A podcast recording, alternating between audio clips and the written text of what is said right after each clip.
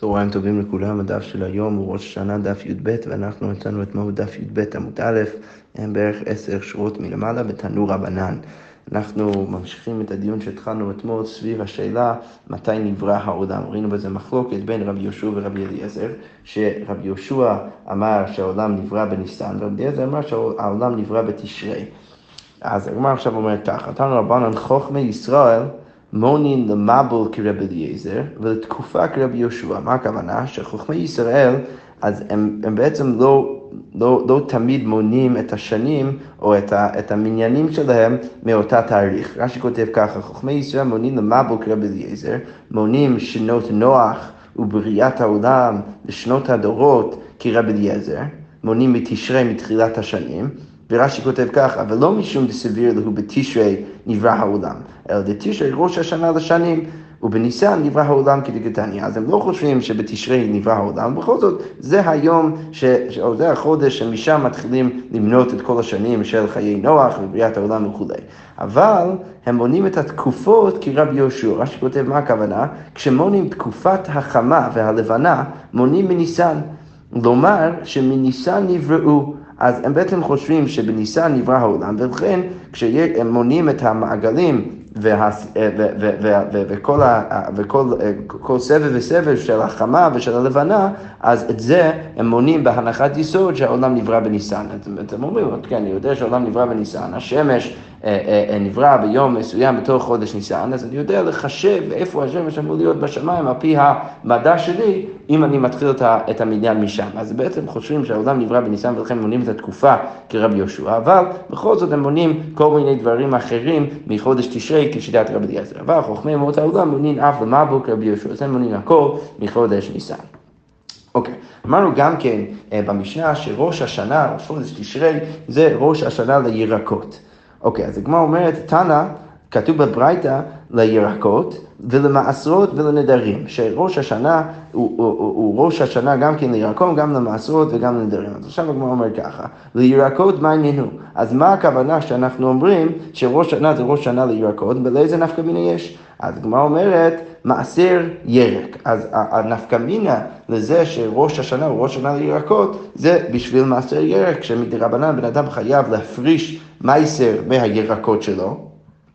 ו, ו, ו, וחשוב מאוד לדעת לאיזה שנה הירק מסוים שייך. כי כמו שאמרנו כבר כמה וכמה פעמים במסכת, אתה לא יכול לאסר מירקות משנה X על ירקות משנה Y או הפוך. אז צריך תמיד כשאתה מפריש את המייסר, צריך להפריש את זה מתבואה של שנה מסוימת, וצריך לקחת את המייסר שהוא מאותה, מאותה השנה.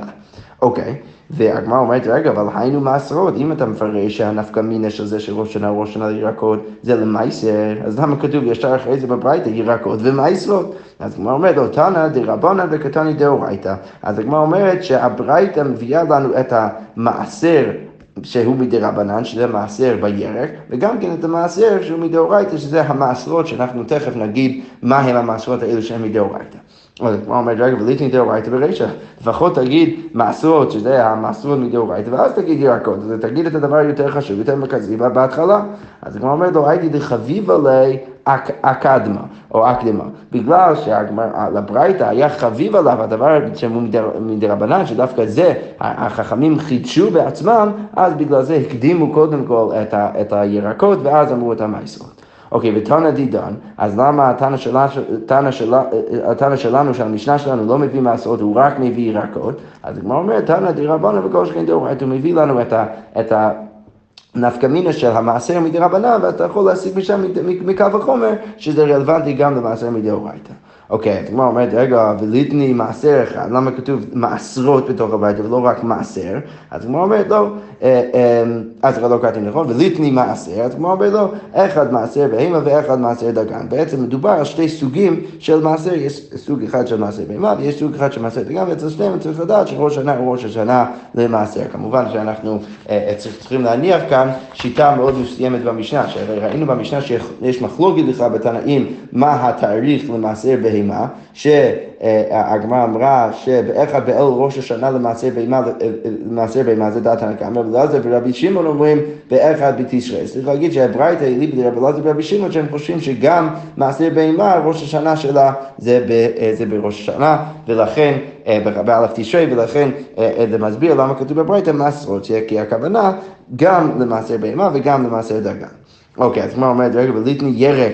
למה כתוב דווקא ירקות? לכאורה היית צריך לכתוב לפחות גם במשנה וגם בברייתא ירק, למה, למה אתה כותב ירקות? אז כמו אומרת, תראה גבני ירק, יש שני סוגים של ירק, דצנן, כתוב במשנה ירק הנאגד מי שיאגד, ושאינו נאגד מי שימלא את הכלי, יש בעצם שני סוגי ירק, בעצם יש שני אה, אה, אה, סוגי ירק שאתה בעצם מאסף אותם מהשדה בצורות שונות, שזה מאוד חשוב, למה זה מאוד חשוב? כי אנחנו, יש דין אה, מסוים בהלכות מעשר שאתה יכול לאכול אוכל ארעי אפילו לפני שאתה מפריש תרומות ומעשרות, כל עוד האוכל והירק וה, והתבואה שלך עדיין נמצא בסיטואציה שבו לא חייבת את זה במעשר בצורה הכי רצינית. ולכן הדבר, שבעצם מחייב משהו במעשר זה, זה פעולה שבו אתה מכניס את זה לתוך האוצר שלך בצורה רצינית ו, ומשמעותית. ולכן זה, אנחנו יכולים להגיד שזה בעצם תלוי, השאלה מתי הירק הופך להיות חייב במעשר, עד כדי כך שאני כבר לא יכול לאכול את זה בצורת ארעי, זה בעצם תלוי בשאלה איך אני מאסף את, ה, את הירק הזה ושם את זה בתוך האוצר שלי. אז אם זה ירק שנאגד, אז רק מי שיאגד, רק ברגע שאתה שם את זה באיזה אגד גדול, אז כבר זה חייב אה, אה, במעשר, אבל אם זה ירק שאינו נאגד, אז מי שימלא את הכלי, ויש שני סוגי אה, ירקות, ובכל אחד מהם יש איזשהו שלב אחר שבו הוא מתחייב במעשר, ולכן כתוב בברייתא וגם במשנה ירקות. אוקיי, okay, עכשיו אם כבר מדברים על השלב שבו הירק מתחייב, או, או אוכל מסוים מתחייב במעשר, אז אנחנו קצת יותר ניכנס לעניין. אז כמו אומר ככה, תנו רבנו כתוב בברייתא, ליקט ירק ערב ראש השנה, עד שלא תבוא השמש, וחזר וליקט משתבוא השמש, אין תורמין ומעשרים מזה על זה.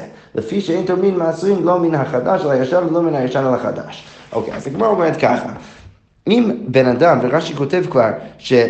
הברייתא מחדש לנו כאן שאצל הירק אנחנו הולכים אחר הלקיטה, רש"י כותב, אשמעינא דירק בתר לקיטה אזיל, ולעניין מייסר, ואף על פי שגדל בשנה אחת, אם נלקט בשתי שנים, הווי חדש וישן שאין תורמים מן החדש על הישן. אז בעצם רש"י מסביר שהקידוש של הברייתא זה ככה.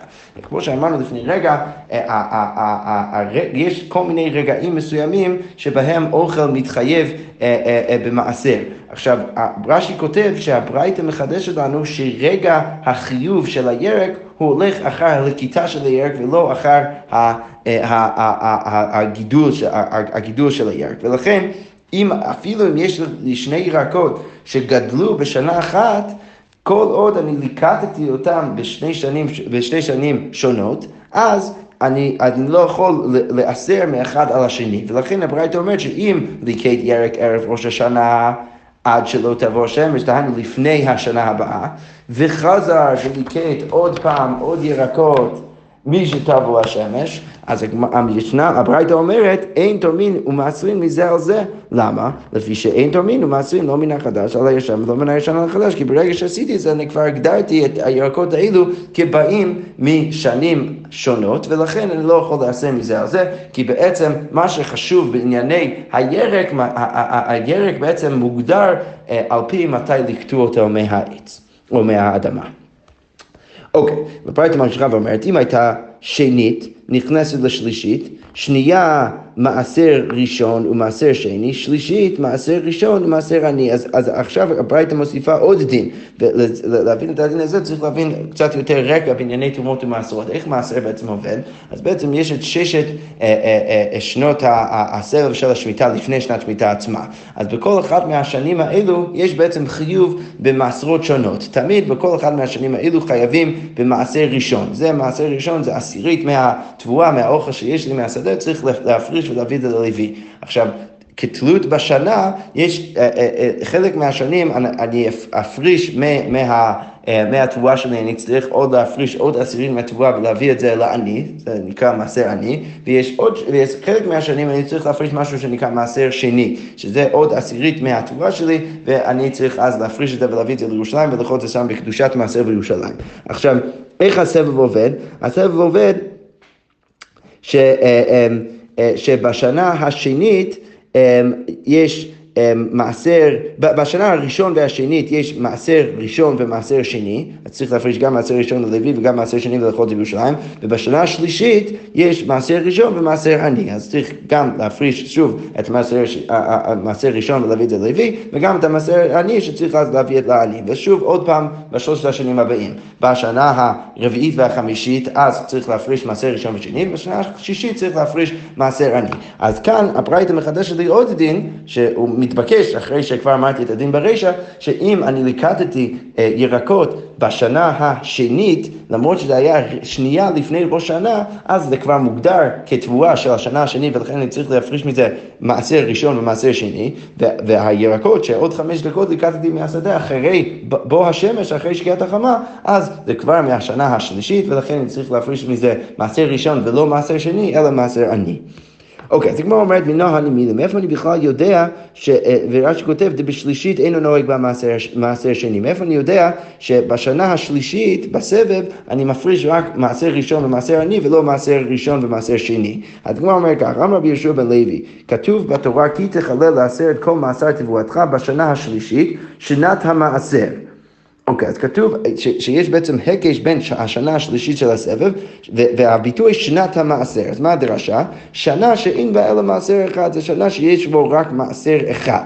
וההנחה כרגע זה שוודאי שמעשרים מעשר ראשון, ושאלה זה מה, איזה עוד מעשר אני צריך. אז הגמרא אומרת ככה, הכיצד? מעשר ראשון ומעשר עני, אז צריך להפריש מעשר ראשון, זה ודאי שייך כאן, וגם כן מעשר עני. ומעשר שני בטל, ולכן אתה כבר לא יכול להפריש אה, מעשר שני, כי ברגע שאני יודע שצריך להפריש מעשר עני, ואני יודע שיש רק עוד מעשר אחד בנוסף למעשר ראשון, אז ודאי שזה רק מעשר עני ולא מעשר שני. אז כמו אומרת, רגע, או אינו אלא אף מעשר ראשון אינם יבטל. או אולי אתה יכול להגיד שיש ממש מעשר אחד, שצריך להפריש רק מעשר עני ולא יותר מזה, ולא מעשר ראשון. תלמוד לומר, ולכן כתוב בתורה, ואל הלוויים תדבר ואמרת עליהם, כי תלכו מבני ישראל את המעשר שנתתי לכם מאיתם בנחלתכם. אז מה כתוב? הקישו הכתוב לנחלה. אז בעצם יש הקש בין המעשר שמביאים ללוי והנחלה. אז מה הכוונה? מה נחלה אין לה הפסק? כמו שלנחלה אין הפסק, זה תמיד שייך ללוויים. מהרי לוויים תמיד שייכים עליהם, אז כמו כן אף מעשה ראשון אין לו הפסק, אין שום הפסק למעשה ראשון, ולכן ודאי שבכל שנה ושנה צריך להפריש מעשה ראשון. עכשיו השאלה, בשנה השלישית, כשאתה עובר משנה שבו הפרשת מעשר אה, שני, האם ומה אתה צריך להפריש בנוסף למעשר ראשון. אז הפסוק אומר שצריך להפריש רק עוד מעשר אחד, ולכן אני יודע שזה מעשר עני ולא מעשר שני.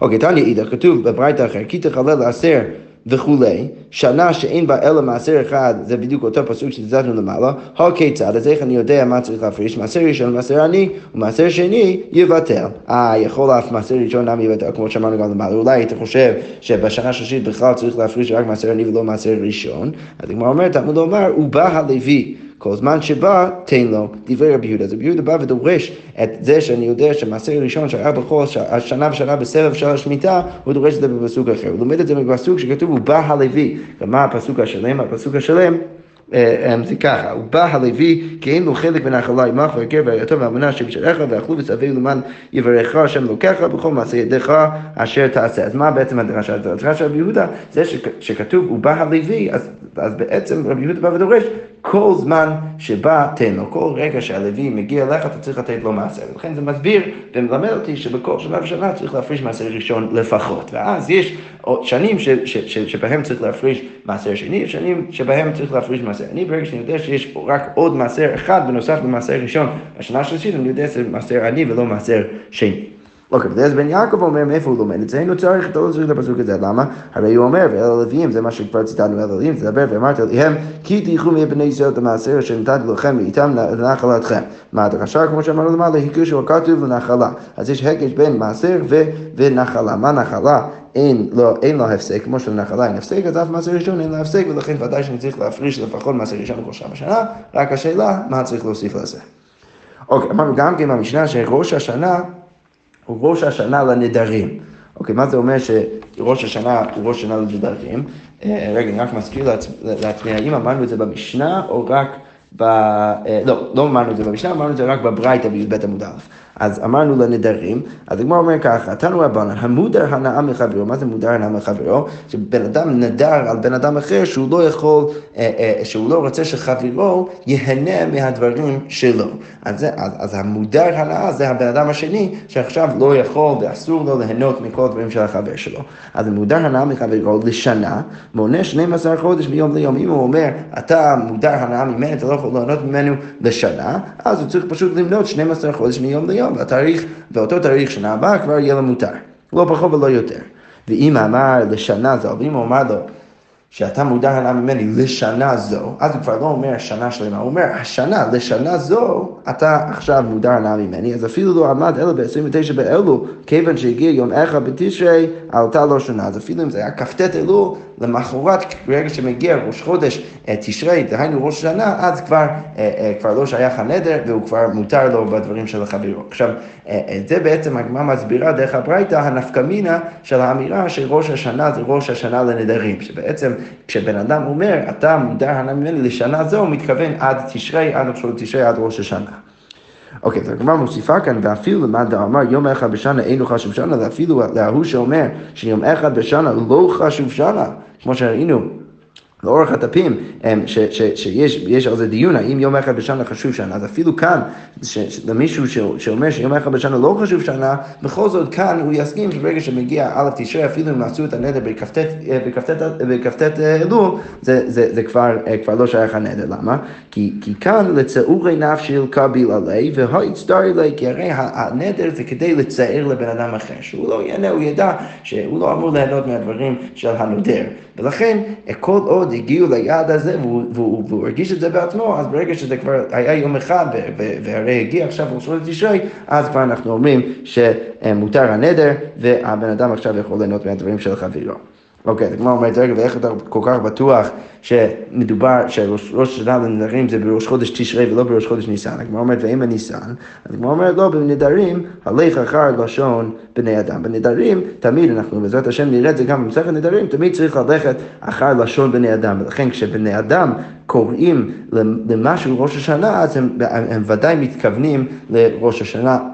סליחה, לאלף תשרי ולא לאלף ניסן, ולכן בתחום של הנדרים צריך תמיד ללכת על פי זה, כדי שיהיה נורמה שכולם יודעים שהדבר שבדרך כלל קוראים ראש שנה זה בעצם הדבר שקובע בענייני נדרים. אוקיי, תנן התמ"ג מה אומרת? הטילטן, עכשיו אנחנו חוזרים לענייני לענייני מייסר, ועכשיו השאלה היא מתי משהו מתחייב במייסר. או, סליחה, לא מתי זה מתחייב במייסר, באיזה שלב של, של הגידול או של הבישול, של, של התבואה, של האוכל, אני, אני כבר מגדיר את האוכל כשייך לשנה מסוימת לענייני מעשרות. אז הגמרא אומר ככה, אצלן הותם כתוב במשנה, אמ, אה, במסכת מעשרות, פרק א', משנה ג', הטילטן, רש"י כותב טילטן זה מין תבלין, אז הטילטן, מי שתצמח. מה הכוונה משתצמח? רש"י כותב, אחר שנת תמיכתו הוא מתעשר, ולא אחר שנת לכיתתו. אז, אז מה שחשוב זה אחר השנה, אנחנו הולכים אחר השנה שזה צומח בתוך הקרקע ולא אחרי השנה שאתה לוקט את זה. ולכן אם זה צמח כבר בשנה A ואתה לקט את זה מהשדה רק בשנה B, אז ודאי שצריך לעשר את זה על פי שנה A ולא על פי שנה B. אוקיי, אמ, והתבואה והזיתים, מי שיביאו שליש, אוקיי? רש"י כותב, מה זה... ehm, מה זה התבואה? אז התבואה, רש"י כותב שהתבואה זה רפרנס לדגן ותירוש. אז התבואה והזיתים, אז אנחנו בעצם מגדירים את השנה שלהם, של, של המייסר, על פי אה, השלב שבהם זה יתבשל כבר שליש, כל הפירות יתבשלו שליש, אז אני כבר אומר, שזה, אז אני כבר מגדיר את זה על פי השנה הזאת. אז בשניהם אנחנו אבל רואים שזה לא אחרי הלקיטה, אלא אחרי איזשהו שלב של גידול בתוך הקרקע. אוקיי, אז הגמרא אומרת, מהי מי שתצמח? אז מה הכוונה כשאמרנו בביתה מי שתצמח? אז הגמרא אומרת, מי שתצמח לזרעים. אז ברגע שזה נצמח, רש"י כותב שהזרע צומח בתוכו. ברגע שהזרע צומח בתוכו, אני כבר מגדיר את זה אה, אה, לענייני מייסר כשנה הזאת. אוקיי. התבואה והזיתים ישביעו שליש, מנהל מילים, מאיפה אני יודע את זה? אז הגמרא אומרת, אמר רב אסי אמר רבי יוחנן, ומתו בה משמי רבי יוסי הגלילי. אז בעצם יש מסורת שזה רבי יוסי בשם רבי יוחנן, ויש עוד מסורת שזה בשם רבי יוסי הגלילי. בכל זאת כתוב בתורה, אמר קרא, מקץ שבע שנים במועד שנת השמיטה וחג הסוכות, אה, אה, וחג הסוכות. אז כתוב כאן בעצם, בסוף ספר דברים, שמקץ שבע שנים אחרי שבע שנים, במועד שנת השמיטה, בחג הסוכות. ולכאורה כרגע הגמרא מבינה שמה הכוונה? חג סוכות של השנה השמינית. אחרי שנת השמינה צריך לעשות את מצוות הקל, ככה התורה ממשיכה ומסבירה. אבל הגמרא שואלת שאלה יותר ראשונית. שנת השמיטה, מה יביא איתי בחג הסוכות? שמיניתי, בחג הסוכות שמיניתי. הגמרא אומרת, רגע, למה אתה קורא לחג סוכות של השנה השמינית שנת שמיטה? מה כתוב בתורה? מקץ שבע שנים במועד שנת השמיטה בחג הסוכות. אבל רגע, שנת שמיטה, מה יבידתי? הרי בחג סוכות שמיניתי, זה כבר, זה, זה כבר נחשב כשנה השמינית, למה אתה קורא לזה חג אה, שמיטה? אז למה אתה קורא לזה שנת שמיטה? אז כמו אומרת, אלא לא אומר לך, זה בטח בא ולומד אותי שכל תבואה שהביאה שליש בשביעית לפי ראש השנה, אה, סליחה, כל תבואה שהביאה שליש אה, בשביעית לפני ראש השנה, אתה נוהג בו מנהג שביעית בשמינית. אז מה זה מלמד אותי? זה מלמד אותי שכל עוד התבואה כבר הגיעה לשלב של שליש בשנת השמיטה, למרות שאני ליקטתי את זה אה, אה, כבר בשנה השמינית, אני עדיין צריך להתייחס לתבואה הזאת כאילו יש לו קדושת שביעית.